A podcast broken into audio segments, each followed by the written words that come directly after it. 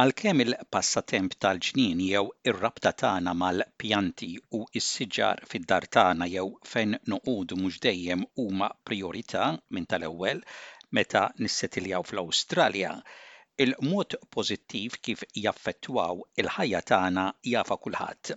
In-nies fl-Awstralja japprezzaw spazji miftuħa bil-pjanti u s-siġar. Il-benefiċċji personali u komunitarji tal-ħdura tas-siġar u l-pjanti madwarna hija effettiva ħafna. Għalhekk hemm ċerti regoli biex jiggwidawna x'nistgħu u x'ma nistgħux nagħmlu fil-ġonna tagħna u fit-triqat.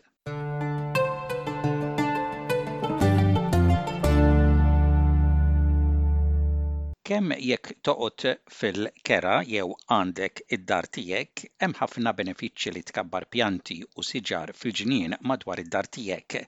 L-ortikulturist Justin Calverley jgħid li x-xogħol mal-pjanti huwa tajjeb għal kulħadd. Jgħid li hemm ħafna studji u informazzjoni dwar ir-rabta umana mad-dinja ta' barra. Fi bliet mibnija ninqatgħu minn dawn imma jgħid li nafu dejjem li nħossuna aħjar meta nkunu mdawra bil-pjanti fid-dinja naturali tagħna.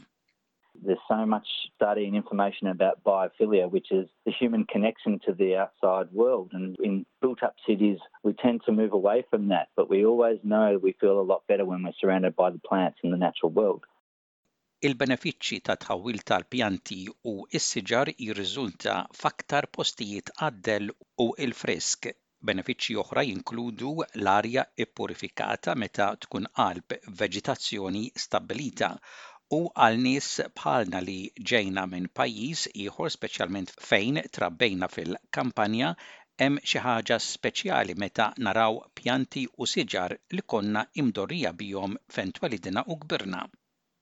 it really draws you back to your homeland, and it's just a little comforting little nod that everything's going to be okay. So many unfamiliar sights and sounds that we get in our built up areas can be negated just by seeing, touching, smelling, or even eating a plant that you're comfortable with and something that you've grown up with especially that sense of smell and taste can take you right back to a childhood and take you back to your homeland. Plants and gardens can give that to you. Fl-Awstralja hemm liġijiet dwar il-preservazzjoni tas-siġar. Marcus Pearl huwa s-Sindku ta' Port Phillip Bay f'Melbourne. Huwa jgħid li minħabba l-ispazju miftuħ limitat fl-inħawi tas-subborgi qrib tal-ibliet, siġar stabbiliti huma importanti għal ħajja selvaġġa, servizzi u ħtiġijiet soċjali u s-saħħa tagħna. Għalhekk, residenti fin-naħat qrib tal-ibliet għandhom jiksbu approvazzjoni mill-Kunsill qabel ineħħu siġar sinifikanti anke mill-ġonna privati tagħhom. Bliet differenti għandhom regoli differenti dwar dak li jiddefinixxu siġar sinifikanti. Il-Kunsillier Markus Perl jispjega li subborgi qrib l-ibliet għandhom restrizzjonijiet dwar it-tneħħija ta' siġar sinifikanti, siġar kbar, ġeneralment għax bosta kunsilli tal-ibliet ikunu jridu jżommu d-dell tas-siġar f'inħawi reġjonali u rurali ikun hemm differenza minħabba l-periklu tan-nirien. Il-Kunsilli Lokali kollha madwar l-Awstralja għandhom ħafna informazzjoni dwar x'tista' tagħmel bis-siġar fuq il-propjetà tiegħek u jekk ikollok xi dubju dejjem tista' iċċempel il-Kunsill Lokali tiegħek li għandhom ħafna informazzjoni b'diversi lingwi. But certainly inner city suburbs and city suburbs have restrictions on removing significant trees generally in most areas because city councils want to keep up what they call their urban canopy, which is the amount of shade and trees in their city. In regional and rural areas, obviously, there's differences for fire safety and those sort of items. But all local councils around Australia have lots of information about what you can do with trees located on your property. And if you're ever in question, you can always call your local council who has lots of language services also. Dawk li joqogħdu f'post mikri huma meħtieġa wkoll li jżommu kif jixraq il-ġonna tagħhom. Dan ifisser li l-lon ikun maqtugħ u s-siġar fil-ġnien miżbura u kkontrollati. Il-manager tal-proprjetà f'Sydney, Iggy Damian jgħid li, barra minn dan, dawk li jikru għandhom jiksbu permess biex iħawlu jew ineħħu siġar mill-ġonna tagħhom.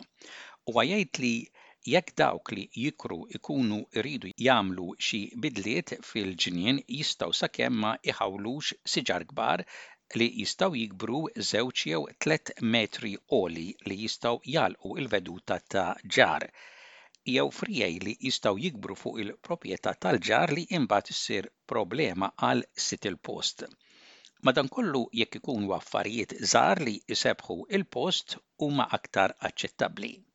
So if tenants want to make some changes to the garden, they are able to, as long as it's not something like a tree that may grow over time, two, three, four metres that could potentially obstruct views from a neighbour or branches going into a neighbour's property, which would then become a problem for the landlord. However, if it's to beautify, if it's low maintenance gardening, that's more than acceptable.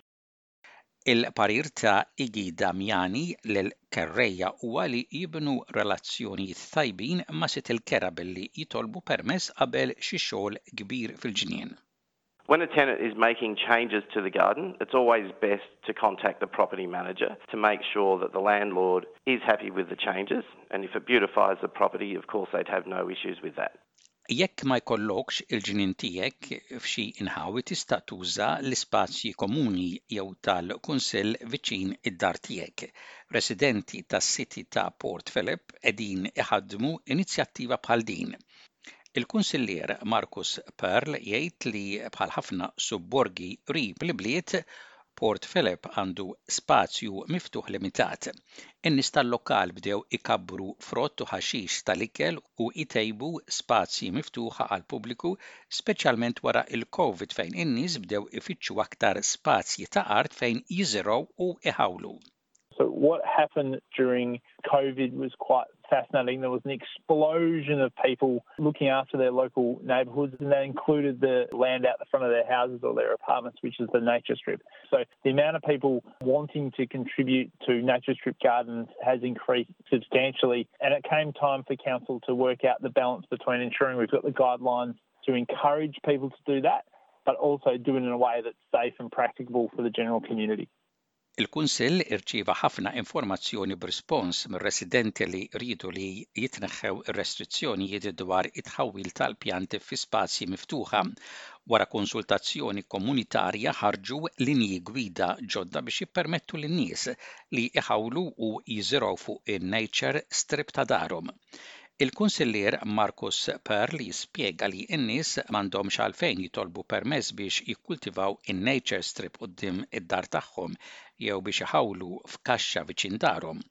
Qal li dak li jitolbu lin-nies huwa li jkunu jafu l-liġijiet sempliċi li għandhom x'jaqsmu ma' tħaffir taħt siġar kbar u affarijiet bħal dawn biex ikunu jafu bil-perikli u l-konsegwenzi li jistgħu jikkaġunaw.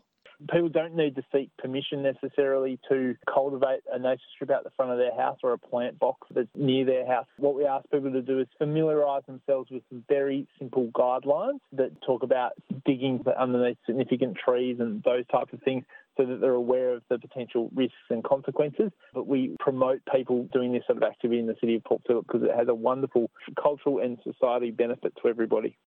Imma jekk il-Kunsill fejn toqgħod ma jippermettix li tħawwel u tiżra' fi spazji għal kulħadd u l-ispazju tiegħek huwa limitat, xorta tista' tiżra' u tħawwel xitel u pjanti fid-dar tiegħek. Justin Calverley jgħid li tiżra' u tħawwel fil-qsari u l-pozz huwa tajjeb ħafna għal dawk li sikwit iħobbu jibdlu l-post fejn joqogħdu għax tista' teħodhom miegħek. Tista' tpoġġihom fejn trid għax-xemx jew għad-dell. Tista' tibda b'affarijiet żgħar, għalhekk iċċekkja daqsxejn biex tuża d-daqs xieraq tal-qsari li jaqblu għall-pjanti u s-siġar li tkun se tħawwel fihom. But the thing about potted gardens, the positives are they give you great flexibility. You can take them with you, you can even move them into sun, you can move them into shade. That's wonderful. But maybe start small. Potted gardens need to be the right plant in the right pot. So do a little bit of research to make sure you've got the appropriate pot, size and the mix that matches the plant. Xi nurseries tal-pjanti jispeċjalizzaw fi pjanti u ġonna kemm nattivi u anke indiġeni. Iggy Calverley jispjega d-differenza, Pjanti li huma nattivi għal l-Awstralja huma dawk li jikbru u naraw mal-kontinent Awstraljan kollu. Pjanti indiġeni huma dawk speċifiċi Għalhekk pjanti li huma indiġeni huma tar-reġjun lokali. Idealment jekk tkun se tibda bi ġnien, pjanti indiġeni x'aktarx li aktar jirnexxulek għaliex ikunu evolvew fil-klima u l-ħamrija tal-lokal. So we have plants that are native to Australia and we have indigenous plants, two slightly different groups. Anything native to Australia can be grown or seen around the whole continent. Indigenous is a little bit more specific. So plants that are indigenous are local to a region. So ideally, if you're going to start gardening, indigenous plants will most likely give you greater success because they have evolved in your climate and in your soils. Li tiżra' u tħawwel u toħloq ġnien bi prodotti huwa ta' benefiċċju għal kulħadd. F'dak li għandu x'jaqsam ma' valur ta' nutriment m'hemmx aħjar minn frott u ħaxix frisk li tkun kabbart int stess. Barra mill-benefiċċju ta' ikel tajjeb għas-saħħa, bix-xogħol fil-ġnien tkun qed tagħmel eżerċizzju ħafif. Hija xi ħaġa li dawk kollha ta' kull età u l-kulturi kollha jistgħu jagħmlu u ta' benefiċċju għal kulħadd. Nieħdu l-vitamina D mix-xemx u huwa dak li fil-fatt aħna mibnija u ddisinjati għalih, li nagħmlu eżerċizzju ħafif u naħdmu l-art u l-ħamrija. An additional health benefit to that is the light exercise we get from gardening. It's something that people of all ages, all cultures can get into, and it's good for us. We get vitamin D from the sun, and it's actually what we're built and designed to do light exercise, working with the earth.